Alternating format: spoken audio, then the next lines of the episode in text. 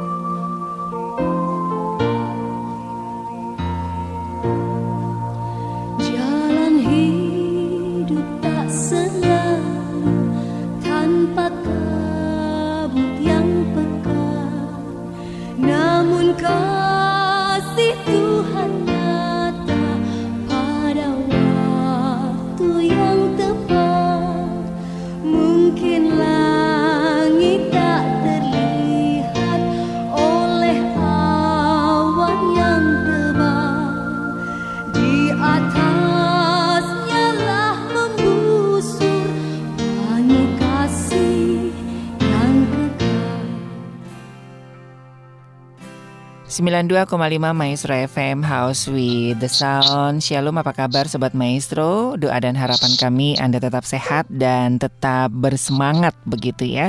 Senang sekali kembali program Pelangi Kasih hadir menemani Anda Mengawali awal pekan begitu ya Senin 7 Maret 2022 Kali ini kita akan kembali berbincang ya uh, Berdiskusi tepatnya begitu tentang satu topik yang mungkin uh, sampai sekarang ini masih menjadi satu PR begitu ya. Ini tidak hanya untuk anak-anak tetapi untuk semua umur begitu. Nah, silakan bagi sobat maestro nanti yang ingin diskusi bisa ya bergabung dengan kami di 081 321 000925 dan kita bahas tentang yang namanya moral nih sobat maestro ya. Nah, sudah bersama saya Ibu Endang dan Ibu Melda, konselor dari Lembaga Konseling Keluarga Kreatif Bandung ataupun LK3 Bandung. Apa kabar Bu Endang dan Bu Melda? Iya, puji Tuhan. Baik, Pak Ari Sehat ya? dan selamat jumpa juga Sobat Maestro semuanya. Senang ketemu lagi ya Pak Ari mm-hmm. dan semua sobat maestro. Semoga semuanya tetap dalam keadaan sehat ya. Iya. Nah, Ibu Endang dan Ibu Melda, kalau kita ngomongin moral ini kan kayaknya itu kan uh, satu pekerjaan rumah yang gak ada habis-habisnya gitu ya dari pagi sampai pagi. iya. Banyak hal yang uh, yang yang yang harus kita kerjakan dengan yang namanya moral ini begitu kan. Belum lagi nanti ditambah dengan era-era era dekade-dekade waktu itu kan kayaknya yang namanya moral ini uh, apakah seperti karet bisa berubah ataupun bisa seperti apa nah gitu kira-kira seperti apa ini Bu Endang dan Ibu Melda nih Iya betul ya Pak Arya Bu Endang. Rasanya sampai kapan pun diskusi mengenai moral nih nggak hmm. ada habis-habisnya gitu ya. Iya. Ada aja yang rasanya kita perlu belajar lagi, perlu belajar lagi. Begitupun anak-anak ya sebenarnya anak-anak sangat perlu apalagi kita gitu nih yeah, orang yeah. orang dewasa yang begitu banyak hal yang harus kita kerjakan itu benturan-benturan uh, mengenai moral, moral. tuh betul sangat sangat uh, kerasa jelas banget Betul betul. Iya. Apalagi zaman-zaman sekarang ya yang katanya uh, kayaknya di dunia pendidikan yang udah mahal bermoral, eh malah guru-gurunya yang tidak bermoral, ya kan? Banyak yang masuk Aduh, penjara, yes. ya kan? Harusnya kan ini kan juga jadi jadi polemik juga ya dengan tingkat pendidikan yang semakin tinggi, harusnya tingkat moralnya juga semakin tinggi. Tapi masalahnya semakin tinggi sekolahnya, tingkat korupsinya juga makin tak bermoral. Nah. iya betul. betul saya ya. saya tertarik dengan kalimat Melda tadi loh. Yang men mengatakan uh, uh. menghadapi benturan-benturan. Nah, nah sering kali kalau saya pikir-pikir ya, ketika bicara moral, ketika ada benturan orang baru berpikir, hmm. ini benar, ini salah gitu loh. Tapi Jadi, kalau semuanya kayaknya mulus-mulus aja ya, oke kok nggak ada yang perlu dipikirkan, nggak ada yang perlu dipelajari, iya nggak sih? Jadi ini harus begitu. jadi ini harus dibentur-benturin dulu Bu, gitu ya. harus dibentur-benturin dulu baru ngeh gitu.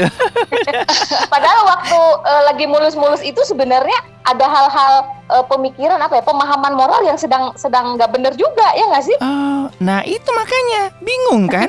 yeah. Tapi Pak, kalau Pak Ari bilang harus dibenturin-benturin, tapi bukankah di dunia ini kita hidup ini uh. dengan sendirinya kita akan terbentur. Terbentur. Iya, iya, iya, ya, betul. Iya, iya, betul, betul. betul. Ya, justru betul. itulah sebenarnya dinamika hidup kan.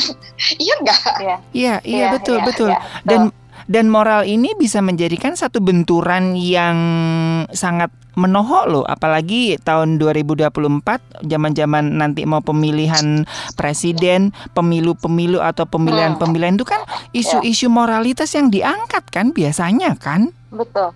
Betul, betul. Ya. Ya, nah jadi mungkin uh, sekarang kita lagi nggak agak terbentur, kita nggak berbenturan kan paling nggak ketika ini gitu ya. Oleh karena itu ketika kondisinya oke, okay, yuk kita bicara lebih uh, ya. gimana sih apa yang dimaksud iya. moral ya. begitu ya kali betul, ya betul, kita ya, betul, kita betul, lagi nggak betul, lebih enak kan kalau bicaranya nggak ke saya kebentur betul, Bu, betul. saya kebentur Bu, karena saya juga ngerasa bahwa wow ini warning juga loh buat saya begitu kan berkaca. Ya, ya. Saya agak sedikit kesenggol dikit lah gitu kan. Iya iya iya. Terus Jadi saya waktu kesenggol cocok ya belajar itu. Iya. Terus terang waktu saya uh, mempersiapkan ini juga baca-baca ya sebelum kita diskusi ya saya waduh ini berat sekali ya. Yeah. Cuman ini harus gitu harus dibahas dan rasanya menarik untuk dibahas juga iya, gitu loh. Iya, betul, betul, betul. Oke. Okay. Ya. Nah, kira-kira dari perspektif dari Ibu Endang dan Ibu Melda sebagai seorang konselor, tentunya berbeda dong ya nanti dengan konsep-konsep moral yang ada di dunia itu kan banyak banget tuh konsep moral sekarang begitu gitu kan makin banyak benturannya begitu. Nah, dari Ibu Endang dan Ibu Melda sebagai seorang konselor, sebagai seorang ibu begitu tentunya kan lebih ya. tingkat korupsi itu lebih lebih banyak daripada laki-laki ya daripada yang ibu-ibu ya. iya ya. Masa sih, Pak? Iya. ya, kita kita mulai nih ya uh, uh, bicara tentang perkembangan moral pada anak nih ya. Uh, kan kita sering lihat anak-anak bermain gitu ya, mm-hmm. ya bermain rame-rame atau berdua. Kadang kan mereka kan kadang kadang-kadang di akhir-akhir itu mereka berkelahi, bertengkar gitu ya. Kamu curang gitu. Mm-hmm. Kamu tadi uh, misalnya bolanya uh, main apa? Misalnya main bola. Biasanya kan kalau melihat anak tuh perkembangan moralnya sudah sejauh apa? Mm-hmm. Kadang-kadang itu bisa kita lihat dari cara mereka uh, waktu mereka bermain gitu ya misalnya oh, iya. lagi main uh, kita dia lagi main dadu atau main apa gitu ya congklak misalnya mm -hmm. sekarang mah nggak mm -hmm. ada congklak ya main mm -hmm. apa ya main game online atau bagaimana yeah, ya yeah. kan mereka punya kesepakatan bersama nanti kalau kamu kalah giliran aku ya nah kalau aku nanti begini kamu harus begitu mereka punya dong deal-dealan di awal tapi setelah bermain kadang-kadang uh, yang satu curang gitu kan. Mm-hmm. Anak kecil kan seperti itu ya. Yeah, ah yeah. dia nggak lihat dia meleng, udah aku main aja duluan. Dia nggak lihat ini. Padahal udah giliran uh, kakaknya misalnya. Nah itu akhirnya bertengkar. Ih kamu curang. Aku lihat loh kamu uh, tadi nggak benar. Harusnya kan aku misalnya seperti itu. Mm-hmm. Nah itu tuh gambaran bagaimana an- kita melihat dunia anak uh, perkembangan moralnya seperti apa sebenarnya. Nah ada satu peneliti ya. Uh, dia seorang pakar pendidikan moral terkemuka di dunia loh. Namanya Lauren Koh Kohlberg. Hmm. Lauren Kohlberg. Uh, mungkin para pendengar bisa Google lah ya ini. Yeah, yeah. Uh, seorang pakar ini dia bilang begini, perkembangan moral anak terkait dengan perkembangan cara berpikir kognitif anak. Oh. Jadi uh, semakin dia besar, sebenarnya perkembangan moralnya harusnya semakin baik. Nah, gitu. Tapi faktanya nah, kita kebentur juga, Bu. Semakin tinggi kognitifnya orang, semakin dia pinter cara untuk mencurangi nah. orang lain. Betul sekali. Nah ini ini menariknya diskusi ini. Uh, Terus kan artinya artinya semakin tinggi tingkat perkembangan ber, berpikir anak, semakin uh -huh. besar pula potensi anak mencapai tingkat perkembangan moral yang lebih baik. Terus dilanjutin nih. Yeah. Meskipun demikian, belum tentu belum tentu anak yang punya kecerdasan tinggi akan dengan sendirinya memiliki tingkat perkembangan hmm. moral yang baik pula. Nah, bingung kan? Bingung kan? Ini maunya gimana coba? Ini bingung kan? Iya, ini yang menarik saya, sekali tadi iya, betul, ya. Betul. Yang dikatakan menarik banget. Yang mm -hmm. uh, dikatakan semakin tinggi tingkat perkembangan berpikir anak, yeah. semakin uh, besar pula po potensi, saya menggarisbawahi itu. Ya, ya. Kemampuannya hmm. itu untuk mencapai tingkat uh, perkembangan moralnya itu besar, itu lebih baik ya. seharusnya. Ya. dia punya potensi. Tapi pertanyaannya, kenapa kemudian kenyataannya tidak yeah. seperti itu itu yeah. kan masalahnya yeah. Yeah. Yeah. Yeah. nah ini bu ya, jadi something wrong hmm. berarti dengan itu potensinya ada tetapi pelaksananya tidak kemampuan nah, skillnya tidak ada nah betul. nah jadi artinya bu jadi ini ini seru ya jadi artinya bu ya jadi kalau kita berbicara moral itu berbicara rasio dong kognitif dong atau seperti apa iya, nih Bu? makin betul. Harusnya kan kalau, dia, kalau dari definisi iya, tadi kan? Betul betul. Masa uh, anak bayi anak satu tahun dua tahun kita menuntut moral yang tinggi dari dia? Iya. Enggak kan? Iya. Dengan dia bertumbuh makin tinggi sekolah makin pintar, jadi dia dia kita harapkan punya moral yang lebih baik kan harusnya. Nah, jadi artinya kalau kita berbicara moral, itu mau tidak mau kita berbicara kognitif dong, berbicara rasio. Iya. Iya. Begitu kan? Iya, betul. Iya, betul. ya, menariknya kalau bicara tentang uh, rasio mm. kognitif begitu ya. Yeah. Bukankah kita dari awal belajar tentang uh, perkembangan usia anak? Mm. Usia anak-anak itu kemampuan rasionya masih belum matang. Iya. Yeah. Ya. Jadi yeah. itulah makanya tadi bicara di awal adalah bicara potensi kemampuannya hmm. besar begitu ya. Tetapi melihat uh, usia anak-anak perkembangan uh, rasionya untuk berpikir nalar itu masih belum selesai baru sekitar 20-an usia 20-an nanti. Nah, mungkin itu yang perlu menjadi uh, apa ya konsen kita begitu yeah. loh. Yeah. Ya secara umum potensi ada, tetapi perkembangan usia itu, nah itu PR or, kita sebagai orang tua mm -hmm. saya kira mm -hmm. mengisi gap itu. Iya. Nah ini kan sesuatu yang unik menarik dan membingungkan begitu ya. Kalau dari definisi ya. tadi dan uh, survei dari seorang pakar mengatakan bahwa semakin tinggi kognitif seseorang, semakin tinggi tingkat hmm. pendidikan seseorang, potensi untuk mendapatkan moral yang baik itu uh, Oke, okay, begitu kan? Nah, artinya saya bikin satu kesimpulan bahwa kalau kita berbicara moral, kita berbicara tentang rasio dong, kognitif dong. Tapi hmm, faktanya ketika kita ber berbicara moral, sekarang lebih banyak tentang hati nurani dan perasaan gitu. Iya, hmm, iya. Betul, betul. Nah, uh, itu itu jadi, yang itu yang bikin iya. satu apa ya? Bikin satu uh, apa ya layer-layernya itu jadi yeah, yeah, yeah. gak jelas gitu bu. Jadi yeah. apalagi Pak dan Bu Melda, apakah berarti kalau tadi pertanyaan Pak Ari jadi, jadi membuat tergelitik saya, artinya yeah. artinya berarti tidak cukup dengan uh, kognitif itu. Okay. Artinya tadi sisi yang lain yang mm -hmm. akan, mm -hmm. akan tadi hati nuraninya di situlah harusnya kita masuk begitu nggak ya kira-kira? Oh, iya, iya betul. Iya, iya. Karena karena tadi kan ada anak yang punya konsep moral yang tinggi gitu kan. Kita bicara bahwa anak yang punya konsep moralnya tinggi, berarti mm -hmm. kognitifnya udah bagus, konsep konsep moralnya udah bagus. Tapi nggak berarti juga loh perilaku nih, perilaku moralnya baik pula. Misalnya nih, anak yang udah tahu bahwa berlaku licik itu tidak baik, tahu nih dia licik itu nggak baik si kakak tadi kan, eh si adik licik e, misalnya dia tahu itu licik tapi belum tentu loh dia punya pemahaman yang begitu bagus tapi perilakunya menjadi lebih baik belum tentu hmm. juga gitu loh hmm. nah dan jadi apa sebenarnya yang jadi masalah di sini jadi yeah. uh, ya balik lagi sebenarnya bagaimana sih punya pemahaman moral yang benar Nah, itu Bu. Apa yang harus dilakukan?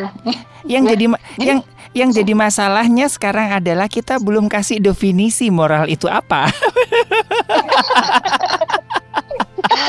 Oke, kalau saya yeah. uh, tentang definisi ya kalau saya lihat mm -hmm. nanti Bu Melda bisa melihat dari uh, pemahaman yang kita saya sambil uh, sedang bahas. Yeah. Kalau dari Wikipedia nah. saya menemukan moral adalah baik buruk yang diterima umum mengenai perbuatan, sikap, kewajiban, dan sebagainya. Jadi, moral merupakan standar perilaku, ya, hmm. ya, standar perilaku yang memungkinkan setiap orang untuk dapat hidup secara kooperatif. dalam suatu kelompok. Jadi hmm. artinya bagaimana uh, hidup di dalam kebersamaan dengan orang lain. Hmm. Begitu yang Itu ada lanjutannya ya, Bu. Ada ya. lanjutannya. Ya. Moral dapat mengacu pada sanksi-sanksi masyarakat terkait perilaku yang benar dan dapat diterima. Jadi ada sanksi gitu loh terkait ya. apa yang ya. dilakukan benar atau tidak gitu ya. Iya. Ini gitu. moral gitu. secara nah, umum ya, definisi moral secara ya, umum ya, secara umum, secara ya, umum ya. Oke, ya. oke. Tapi kita sebagai orang yang percaya kepada Tuhan, sebenarnya apa sih dasar moral kita? Satu hal, hmm. Moral kita adalah sebenarnya pengenalan yang benar akan hakikat Allah gitu. Nah, yeah. sebenarnya siapa yang bisa mengenal Allah? Allah begitu suci, begitu kudus, tak terjangkau. Gimana kita bisa tahu? Nah, sekalipun mm -hmm. kita nggak mm -hmm. mungkin dapat mengenal Allah sampai sedalam-dalamnya ya, paling yeah. sedikit kita perlu baca baca pernyataan diri Tuhan dalam firman-Nya ya. Mm -hmm. Jadi kita mm -hmm. bisa lebih mengenal hakikat kesuciannya, keadilannya, kemahakuasaannya. Yeah. Jadi itu dasarnya. Nah, bagaimana kita betul. bisa mengenal Allah? Ya. Betul, betul. Ini tuh seru banget loh Bu ya. Jadi kita kan benturan-benturan lagi nih. Ya, ya, ya, ya, ya. Ini ini di satu sisi ya, saya ngobrolin moral itu jauh lebih dapat dari orang-orang yang uh, dia percaya Tuhan, tetapi tidak percaya konsep agama begitu. Iya, iya. Kenapa? Nah itu bagaimana begitu, Bu ya? Endang menarik tuh. Iya. Kenapa? Berarti dengan sambil mengunyah. Iya. Uh, artinya yang kita yakini di sini dasar moral kita tadi Bu Melda uh, pengenalan kita akan Allah yang kita uh, kenal di dalam Kristus Yesus. Begitu ya, Bu iya. Melda ya? Mm-hmm. Iya betul. Ya, jadi supaya kita lebih paham ya pijakan ya, kita ya, situ. Ya. Begitu. Betul, nah, betul. nah uh, masalahnya ada begitu banyak orang yang punya label bahwa ya, dia mengenal Allah pada Tuhan betul. Yesus. Iya. Tetapi moralnya itu lebih bermoral orang-orang yang tidak mengenal konsep agama daripada Iya, iya. baik uh, pemahaman maupun perilaku mungkin gitu ya Bu Endang. Yeah. Baik yes, pemahaman yes. maupun perilaku. Yeah. Nah, masalahnya apa gitu? Hanya kan? sebuah legalitas nah, aja begitu. Ya. Benar, benar. Karena Pak begini, saya ingat sekali waktu kita bicara tentang uh, karakter itu ya. Mm -hmm. yeah, Jadi yeah Sebenarnya kalau tadi bicara tentang kognitif rasio itu satu pihak ya, bahwa uh, itu cara berpikir. Tetapi ada sisi yang lain sebenarnya yang kita kita uh, pernah singgung juga itu adalah uh, emosi, mm -hmm. emosi lah, emosi. Mm -hmm. Nah pemikiran dan emosi ini menjadi dasar uh, kehendak kita. Ya, yeah. Hmm. kita mau seperti apa itu kehendak. Tapi stop di situ. Kehendak itu uh, artinya gini, bicara tentang kehendak itu kembali ke kita. Apa yang uh, keputusan kita untuk ini yeah, iya, sampai yeah, ke yeah, iya. perilaku. Yeah. Kan hmm, ya kalau hmm, tadi Jadi moral, pikirkan dulu, pikir apa yeah. dipikirkan di hati gitu ya, Bu. Ya. Kemudian okay. diolah, kemudian menjadi satu tindakan. Kan kalau hanya yes. dipikirin tapi nggak ada tindakan ya nggak ada artinya gitu kan? Betul, Bu? betul. Karena tadi kan uh, Bu Melda mengarahkan kepada perilaku. Ya, hmm. Ya, jadi moral ini kan dilihat dari perilaku. Nah, perilaku itu adalah uh, sebenarnya uh, tujuan terakhir Ya, hmm, jadi perilaku ya. itu ada di ujung sana. Sedangkan ya. kita bicara tentang moral, ini satu pihak bicara tentang tadi rasio begitu. Tapi hmm. kalau Pak Ari tadi mengatakan bahwa hati nurani itu bicara tentang juga emosi. Ya, hmm, nah hmm. bagaimana kita tahu secara rasio, tetapi juga bagaimana kita mengolah itu, kemudian kita punya kehendak, kita memutuskan mau yang baik atau yang buruk adalah keputusan kita. Hmm. hmm. Oke, oke. Gitu enggak. Bu Oke, oke. Iya, nah, iya betul. Nah, bagaimana Bu caranya ya? Kita aja yang sudah sudah berumur begini aja kesulitan mendefinisikan dan memahami moral. Lalu bagaimana kita bisa menerapkan ini, mengajarkan ini kepada anak-anak, Bu? Iya. Jadi balik lagi ya, sebenarnya hmm. kita mau ngajarin anak supaya dia yeah. punya pemikiran dan perilaku yang bermoral. Yeah. Dan itu kita harus didik mereka sejak awal. Nah, gitu kan? Yeah. Bagaimana tahapan-tahapannya nanti kita diskusi. Nah, jadi masalah terkadang kita sendiri nih sebagai orang yang dewasa pun sedang kebingungan mm -hmm. gitu menghadapi prinsip moral yang benar ini seperti apa sih? Misalnya nih ya, uh, Yakub dan Esau itu ya. Ya betul. Suka ber, suka berpikir nggak sih, ih kenapa sih Tuhan kayak gitu ya ke Esau? Kan Esau itu anak yang baik, anak yang uh, lebih rajin kelihatannya ya. Kenapa Allah sebegitunya terhadap Esau? Nah, mm -hmm. di situ ada prinsip moral yang kuat loh sebenarnya. Jadi sebenarnya kalau kita bisa apa ya lebih dalam lagi memahami tentang karakter Allah. Nah, ini ini dasarnya. Kalau kita hmm. bisa memahami karakter Allah, pelan-pelan kita belajari, kita akan dibentuk loh. Moral kita tuh akan dibentuk. Seperti misalnya Rahab gitu ya, Bu Endang Rahab kan seorang pelacur ya. Yeah. Terus kita bertanya-tanya, kok bisa sih Tuhan sangat membela seorang pelacur gitu? Apa sih yang Tuhan lihat? Nah, kalau kalau tentang Esau tadi saya berpikir begini, kan Esau itu kan e, menjual hak kesulungannya, itu kan hal yang penting sebenarnya kan tapi dia meremehkan. Nah itu sikap meremehkan itu udah prinsip moral yang salah. Gitu. Hmm. Tuhan nggak suka seperti itu. Iya. Yeah. Jadi uh, misalnya uh, orang tua gitu ya kasih kasih uh, kalung berlian ke anaknya. Eh anaknya pergi terus gue pengen belanja uh, baju ini dijual tuh kalung dengan harga baju yang nggak seberapa gak sebanding gitu. Mm -hmm, mm -hmm. Itu kan kesel gitu kan orang tua ini mah contoh gitu ya. Atau uh, Rahab. Kita bingung kenapa sih? Saya sendiri bingung loh. Kenapa Rahab dipakai Tuhan yang menjadi menjadi satu garis keturunan Tuhan Yesus kan Rahab ini padahal yeah. dia seorang pelacur kan. Mm-hmm. Nah, apa sebenarnya yang yang Tuhan mau tunjukkan gitu? Kalau akhirnya dikatakan bahwa perilaku Rahab itu loh, benar nggak sih? Rahab itu kan e, punya pemahaman sebenarnya yang benar tentang Allah gitu loh. Mm-hmm. Sampai dia mau menyembunyikan dua orang itu, dua orang Israel dan mengorbankan hidupnya ya nggak sih? Mengorbankan yeah. hidupnya yeah. demi demi dua orang Israel ini. Berarti dia mengenal Allah begitu luar biasanya ternyata Allah itu gitu. Mm-hmm. Iya nggak sih? Nah it, itu moral yang sangat kuat. Nah bagaimana sih kita uh, tahu apa yang harus aku lakukan, apa yang benar, apa yang enggak? Sebenarnya bagaimana kita mengenal Allah ketemu nanti pada akhirnya.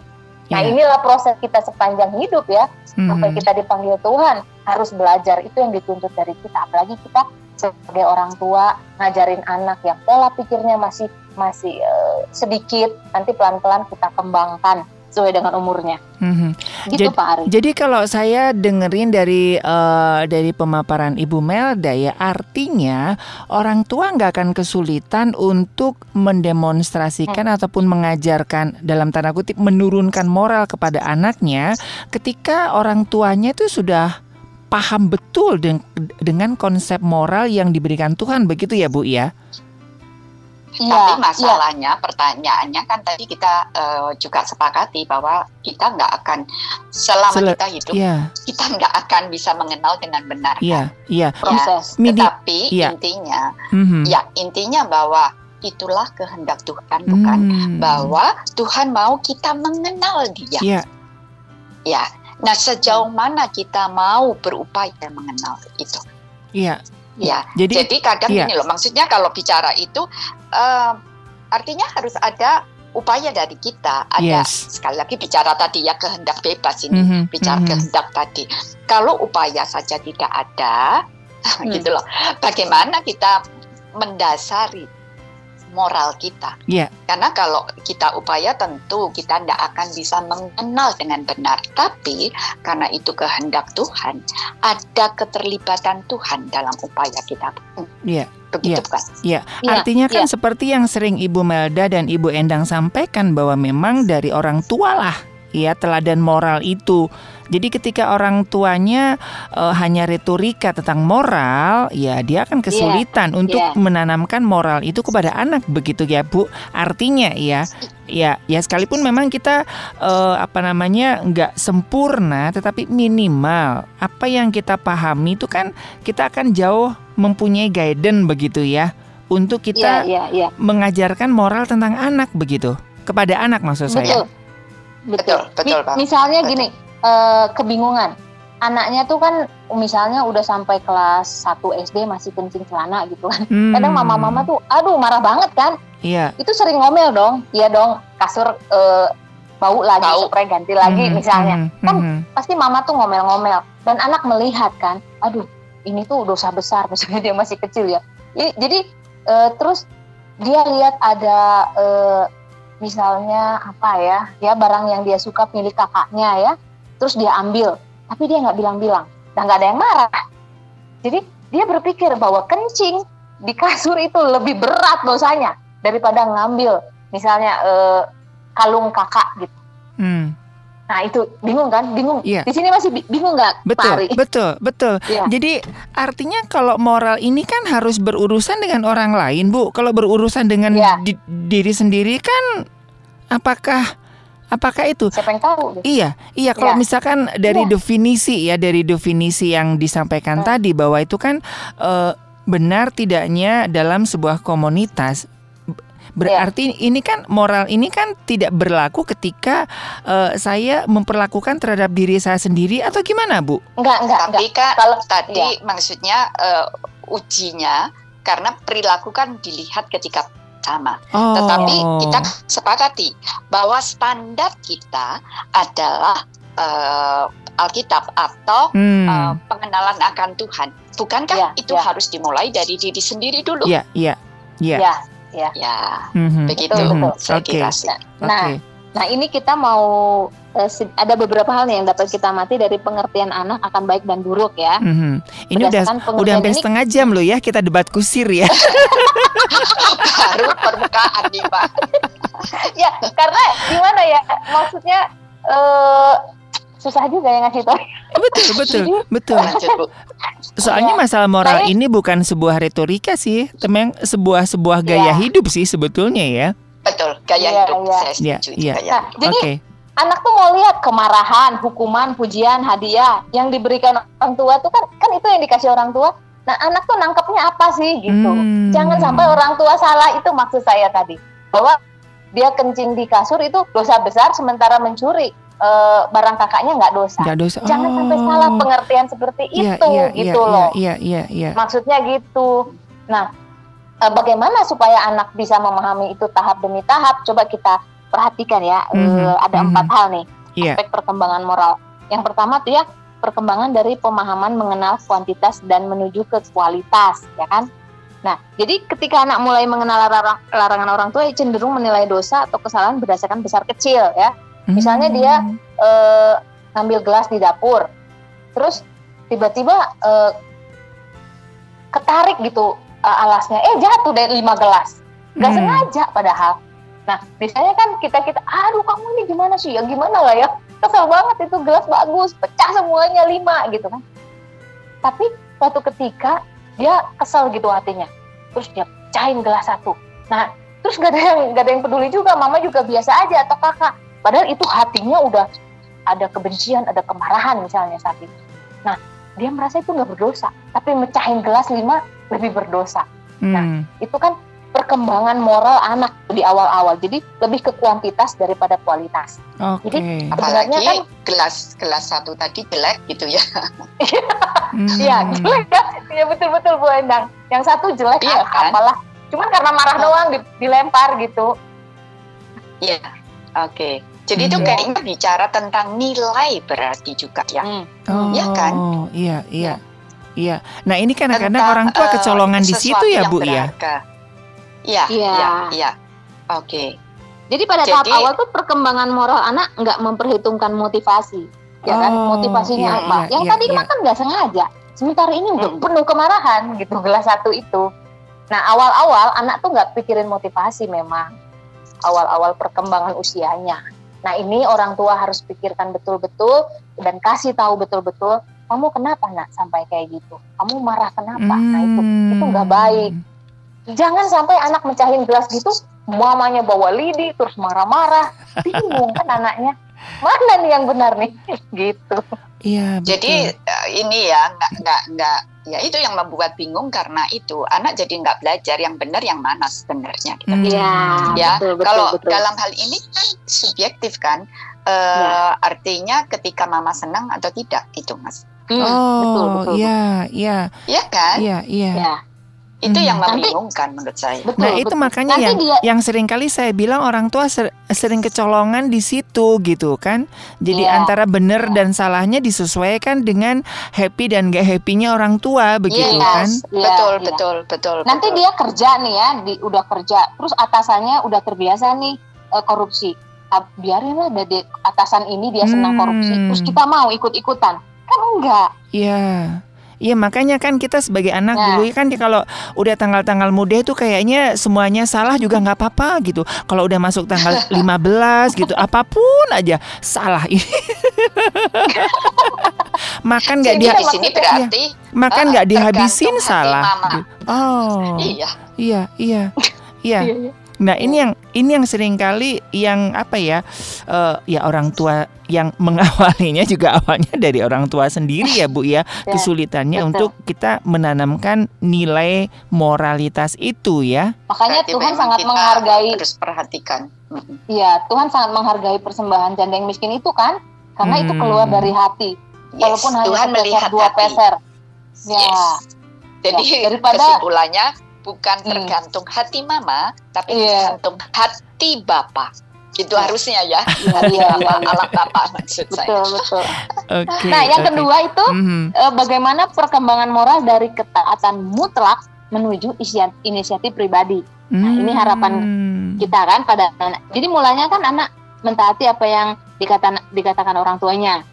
Ya kan pada awal-awal usia dia apa pun yang uh, mama papa katakan kamu harus nurut nah ini sangat penting jangan sampai lus ini kan sebentar masanya iya jadi yeah. jangan yeah. sampai salah gitu nah setelah ini itu pernah kita yeah. pernah singgung ya bu tentang hmm. di perkembangan usia waktu itu terakhir uh, yang saya bawakan itu sampai tujuh usia disiplin hmm. itu artinya hmm. kita yang menentukan gitu loh yeah. mereka yeah. taat kemudian yeah. nanti makin berkembang usia training jadi punya kesempatan yeah, uh, orang yeah. tua mendampingi begitu ya tapi nanti kemudian yeah. usia remaja itu menjadi inspirasi jadi ini di sini mm -hmm. uh, bahwa inisiatif pribadi taat itu bukan karena takut mama misalnya yeah. Yeah, yeah. Iya. tapi yeah. memang di usia perkembangan dia memang taat mutlak tapi bagaimana supaya kita lama-lama seiring usianya bertambah dia menjadi punya inisiatif pribadi gitu kan hmm. ketaatan ya, moral benar. Nah hmm. ya. kayak tadi kan setelah itu anak akan lebih terikat dengan perjanjian-perjanjian. Nah, jadi ini ini yang sangat penting ya buat orang tua ya umum lah ya misalnya dia ada nggak mau diganggu orang mamanya terus mm-hmm. ada tamu datang bilang mama nggak ada ya seperti itu kan ya, jadi orang tua harus melakukan apa yang dia katakan kepada anaknya mm-hmm. jadi jangan hanya mengatakan tapi ya berbeda sikap kedua orang tuanya. Nah, ini penting sekali setelah usianya meningkat benar-benar harus sesuai. Mama ingin ini, kamu ya seperti yang kita berkali-kali ya katakan ya bahwa teladan hmm. bicara hmm. lebih keras yeah. dari hmm. perkataan. Yeah. Anak belajar dari apa yang orang tua lakukan.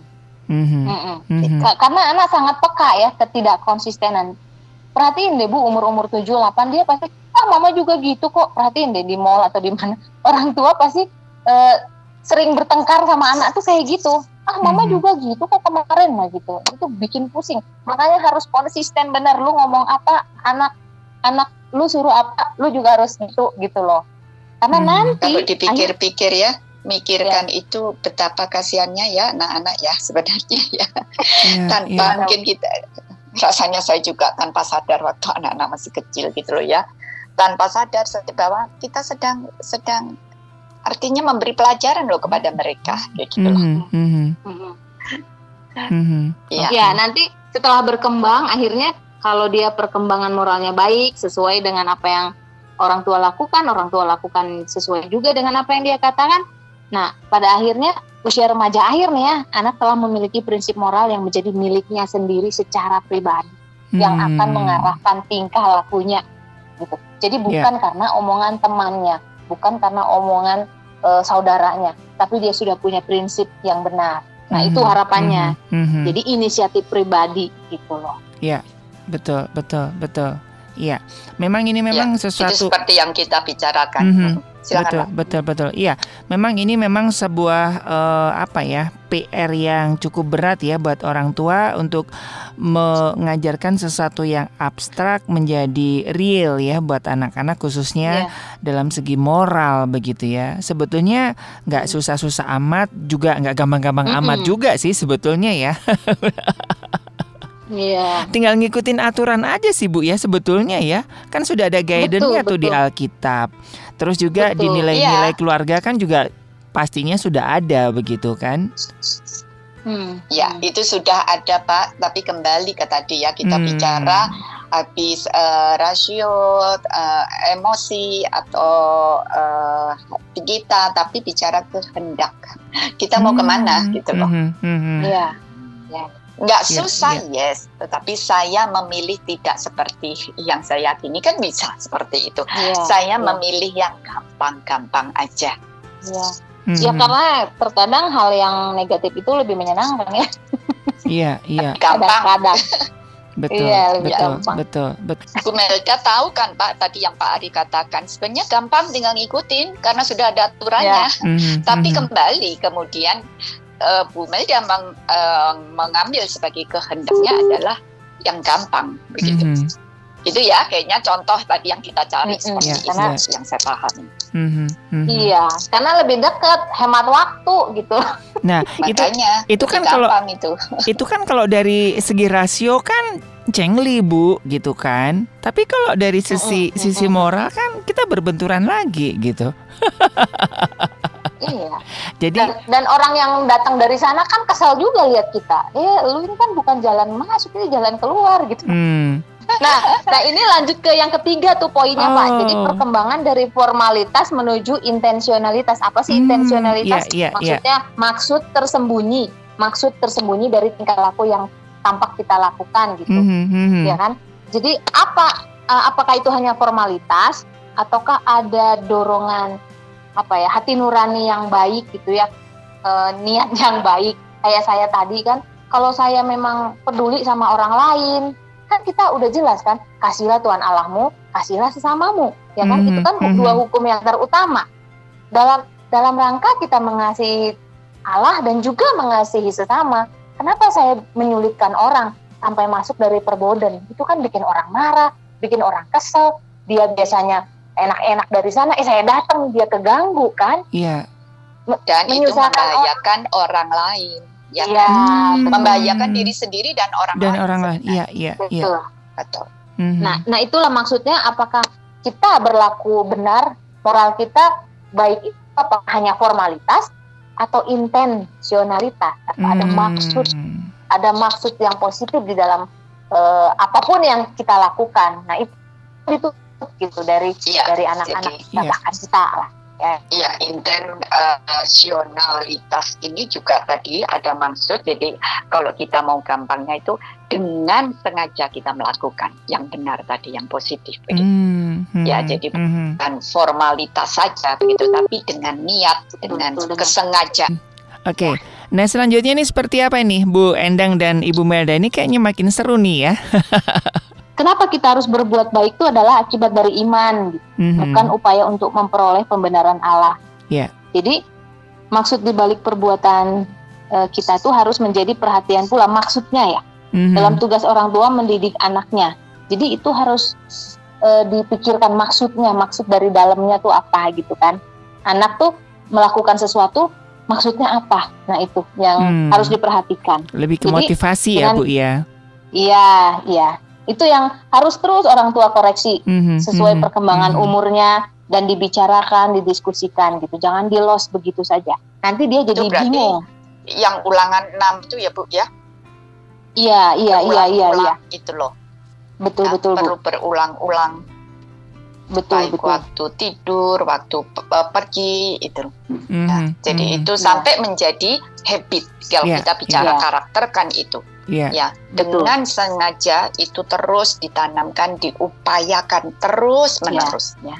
Mm-hmm. Ya. Mm-hmm. ya. Jadi apa pun tindakan anak, orang tua peka motivasinya kenapa nih? Yeah. Ya. Terus Betul. apa pun tindakannya buat saya menarik tadi dengan uh, pendahuluan Bu Meldan tadi melalui yeah. permainan ya karena itu dunia anak hmm, sebenarnya. Yeah, ya, yeah. dari situ kita perlu mengamati mereka gitu loh. Jangan hmm, ketika hmm. main kita udahlah udah aman cuek ya? main begitu. Hmm, ya. Hmm, hmm. hmm. Ya, betul betul. Yang penting mami bisa instagraman gitu ya terus bisa mereka bertengkar bis, biarin aja bisa lah, tiktokan gitu. dan ngesum. nonton drakor gitu ya justru ah, justru ini sangat menarik loh justru saat anak bermain justru di situlah orang tua berkesempatan untuk memperhatikan betul karena mereka yeah. menjadi apa adanya yes oke okay. ya nah, Ya, okay, yeah. di situ orang tua bisa perhatikan sebenarnya kematangan moral si kakak ini seperti apa, mhm, kematangan mm -hmm, moral si dedek mm -hmm. ini seperti apa. Yes. Gitu. Apakah yeah. dia cuek aja ketika uh, cicinya uh, curang gitu? Hmm. Apakah apakah um, berontak kembali dan berontaknya menjadi uh, luar biasa? Nah, mm -hmm, seperti itu ya. Mm -hmm, Oke. Okay. Gitu. Oke, ini jadi satu catatan ya buat uh, bapak-bapak dan ibu-ibu.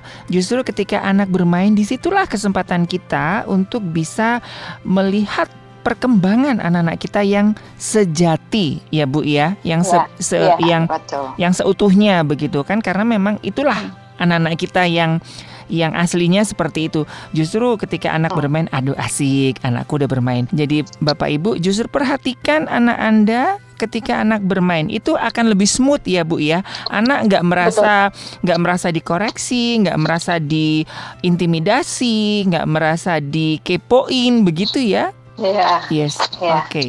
Oke. Okay. Selanjutnya seperti apa okay. ini Bu Endang dan Bu Melda? Yang keempat tuh ya perkembangan tadi kan uh, review sedikit ya. Mm -hmm. Jadi uh, perkembangan moral dari kuantitas menuju ke kualitas ya.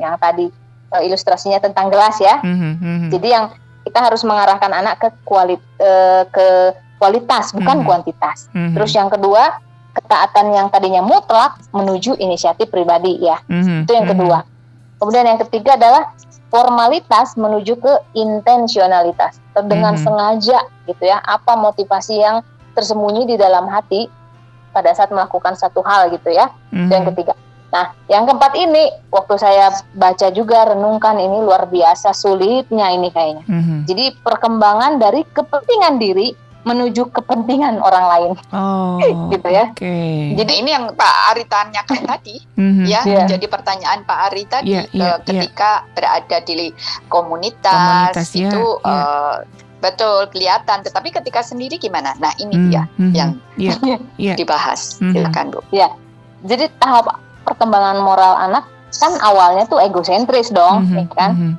Karena anak masih memusatkan perhatian pada dirinya jadi tujuan suatu perbuatan adalah kesenangan pribadi, kenikmatan pribadi. Nah, kalau perkembangan moralnya berjalan dengan baik, barulah pada usia dewasa individu, seorang individu dapat melihat kepentingan orang lain dalam melakukan tindakan moralnya. Mm-hmm. Ya, jadi apa pun yang dilakukan, dia lebih memikirkan orang lain. Gitu. Oke. Okay. Tindakannya, misalnya lagi lagi belajar uh, online gitu ya, Eh, anak-anak uh, kan sering termotivasi untuk cerita-cerita gitu ya. Mm-hmm. Sementara teman-temannya juga mau cerita-cerita, tapi guru udah mau ngajarin nih, udah jam 8 pas nih, guru harus sudah mulai. Kan kalau online tuh gitu ya Pak ya, mm-hmm. anak-anak tuh mm-hmm. dikasih kesempatan untuk cerita-cerita, yeah, ya rame, yeah. bayangin 20 orang cerita gitu. Nah, anak saya tuh saya suka bicara bilangin, kalau kamu terus-terusan seperti ini, kapan gurunya bicara? Hmm. Kapan temen mau bicara? Kamu harus pikirkan orang lain. Guru tuh cuma punya waktu 40 menit loh. Nanti sibuk bercerita seperti ini ya habis waktunya. Kamu harus peduli dengan gurumu seperti itu. Hmm. Jadi apa pun tindakan kita, kita harus pikirkan orang lain. Nah ini yang yang luar biasa ayatnya yang itu eh, Yohanes 10 ayat 11 12 Pula gembala yang baik, gembala yang baik memberikan nyawanya bagi domba-dombanya, sedangkan seorang upahan dan seterusnya ya. Iya. Yeah. Ya ini teladan kita dong ya, Tuhan Yesus bagaimana kita orang yang berdosa ketika masih berdosa Tuhan rela mati untuk kita gitu. Nah itu mm -hmm. itu dasar pijakan kita ya, bagaimana yeah. kita yeah. mengutamakan orang lain daripada diri kita. Tapi ya ingat walaupun seperti itu Tuhan kasih kita kemampuan untuk melakukannya ya Tuhan nggak tinggalin kita juga. Mm -hmm. Mm -hmm gitu. Betul, betul. Bu Endang silakan. saya saya sambil memikirkan kalau sekarang ini betul di sekolah ya online Zoom. Saya juga di sekolah minggu online Zoom juga kan. Mm-hmm. Itu juga karena saya masih mengajar anak kelas balita mm-hmm. itu masih mm-hmm. anak waduh berebutan gitu yeah, untuk cerita. Yeah. Ya, jadi kita sebagai guru kadang juga ya kita perlu masuk dari situ ketika mereka dipuaskan begitu baru kan mereka uh, dibawa untuk mereka bisa berkonsentrasi. Tetapi hmm. memang perlu untuk anak-anak begitu. Kalau untuk yang sudah dewasa kan kita bisa langsung to the yeah, point yeah, begitu ya. Yeah. Tapi untuk dunia anak mau tidak mau memang kita masuk seperti itu.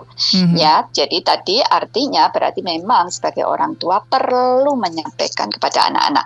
Tadi prinsip yang ketiga dengan sengaja. Ya, hmm. anak-anak memang walaupun masih tadi egosentris, masih sulit, tetapi ya kita perlu mengejar, bukan berarti nanti kan ngerti sendiri, nggak akan. Yeah. Justru hmm. memang perlu hmm. diajarkan, hmm. begitu ya. Hmm. Okay. Itu tadi contoh yang uh, praktis ya, melalui yeah. kelas seperti itu bisa anak juga memperhatikan baik guru maupun temannya juga mau cerita. Mm-hmm. Ya. Mm-hmm. Eh, by the way ya hari ini saya lihat YouTube ya Pak Ari Bu Endang. Yeah tentang Angel Angelina Sondak mau keluar ya. Mm-hmm. Terus oh ya aku saya, kemarin. saya lihat bapaknya ya, eh, bapaknya kan cerita panjang lebar. Saya pikir luar biasa ini bapak gitu ya. Begitu banyak yang dia korbankan dari dirinya untuk kepentingan orang lain gitu mm-hmm. ya anaknya gitu. Mm-hmm. Dan dia benar-benar pemenang. Saya pikir dia yeah. pemenang. Saya nggak tahu akhirnya seperti apa ya. Tapi sering kali bukan kita ketika hak kita kesenangan kita misalnya hak kita menjadi apa ya diambil untuk Dirampas. kebahagiaan orang iya itu kan kita marah besar kan mm -hmm. kadang-kadang kita mikirin banget diri kita sendiri gitu yeah, tapi yeah.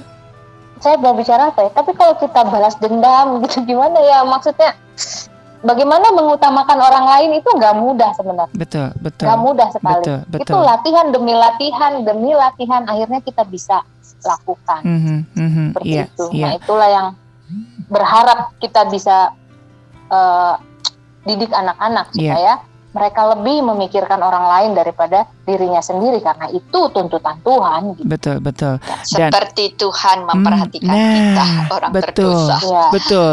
Itu ya. teladan ya. yang sangat jelas ya Tuhan sendiri aja ya. sudah melakukan begitu tidak hanya menurunkan titah-titah tetapi Tuhan sudah meneladankan sendiri begitu ya, ya dengan uh, nilai-nilai moral yang begitu luar biasa dan itu sebagai role kita dan sebagai Betul. headline kita ya sebagai orang tua Kristiani tentunya dan ini berlaku universal loh sebetulnya apa yang disampaikan Betul. Tuhan Yesus kan nggak hanya buat kalangan uh, Kristiani tetapi ini kan hmm. konsep moral yang sangat universal bahkan mendobrak moralitas dunia ya Bu ya kalau saya bilang ya. Ya. Ya, artinya apa ya? Tuhan melakukan itu bukan ketika kita sudah baik loh. Oh yes. Ya. Berdosa ya. Mm-hmm. Ya, berdosa. ketika kita berdosa. Nah, ketika nah, kita itu. menyadari itu itu menjadi prinsip kita. Hmm. Kita juga nggak menunggu orang berbuat baik dulu ke kita gitu. Iya, iya. Nah, itu. Tetapi itu kan nah.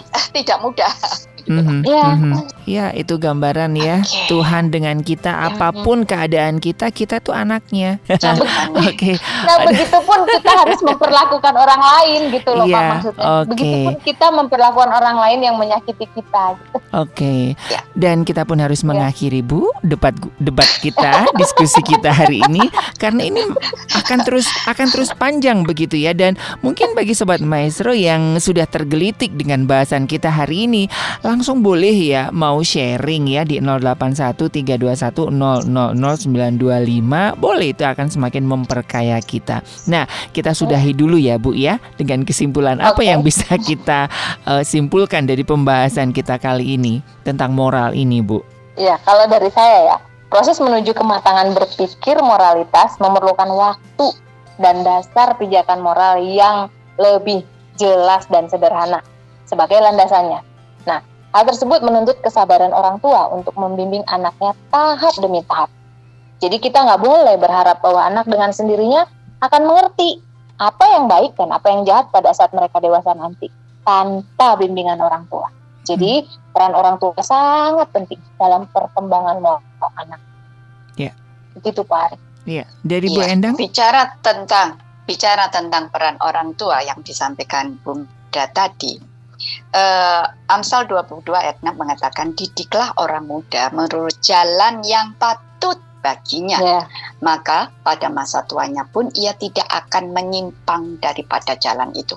Itulah yeah. pengharapan dan penghiburan buat kita para orang tua. Bagian yeah. kita adalah mendidik anak-anak yang dipercayakan Tuhan kepada kita menurut jalan yang patut baginya.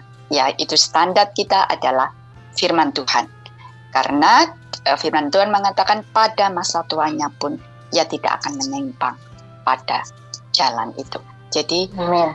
mari para orang tua, termasuk saya sendiri juga, kita hmm. lakukan itu. Ada bagian Tuhan di balik uh, bersama ya. upaya kita. Demikian Pak Ari. Oke, okay. iya, iya, sobat maestro, mudah-mudahan kita bisa memahami ya begitu pentingnya dan begitu uh, berharganya tentang pendidikan moral dan ini bisa menjadikan satu PR yang sangat panjang sampai kita uh, bertemu dengan Tuhan begitu dan dan artinya memang pendidikan moral ini bukan sebuah monumen tapi sebuah movement yang setiap. Hari harus kita upgrade begitu ya. Baik sekali lagi Ibu Endang dan Ibu Melda terima kasih untuk inspirasinya dan untuk uh, benturan-benturannya yang lumayan bagi kami sebagai orang tua begitu ya di program Pelangi Kasih ya. ini. Terima kasih Bu Endang Oke. dan Bu Melda. Ya, terima, terima kasih Pak Ari dan Sobat ya. Maestro. Oke. Ya, terima kasih semua Sobat Maestro. Baik Sobat Maestro dari Gera Maestro Jalan Kaca Piring 12 Bandung, saya Ari, Ibu Endang dan Ibu Melda, konselor dari Lembaga Konseling Keluarga Kreatif Bandung atau LK3 Bandung mengundurkan diri dari program Pelangi Kasih. Kita akan ketemu lagi di program Pelangi Kasih selanjutnya. Tetap jaga protokol kesehatan dan Tuhan memberkati.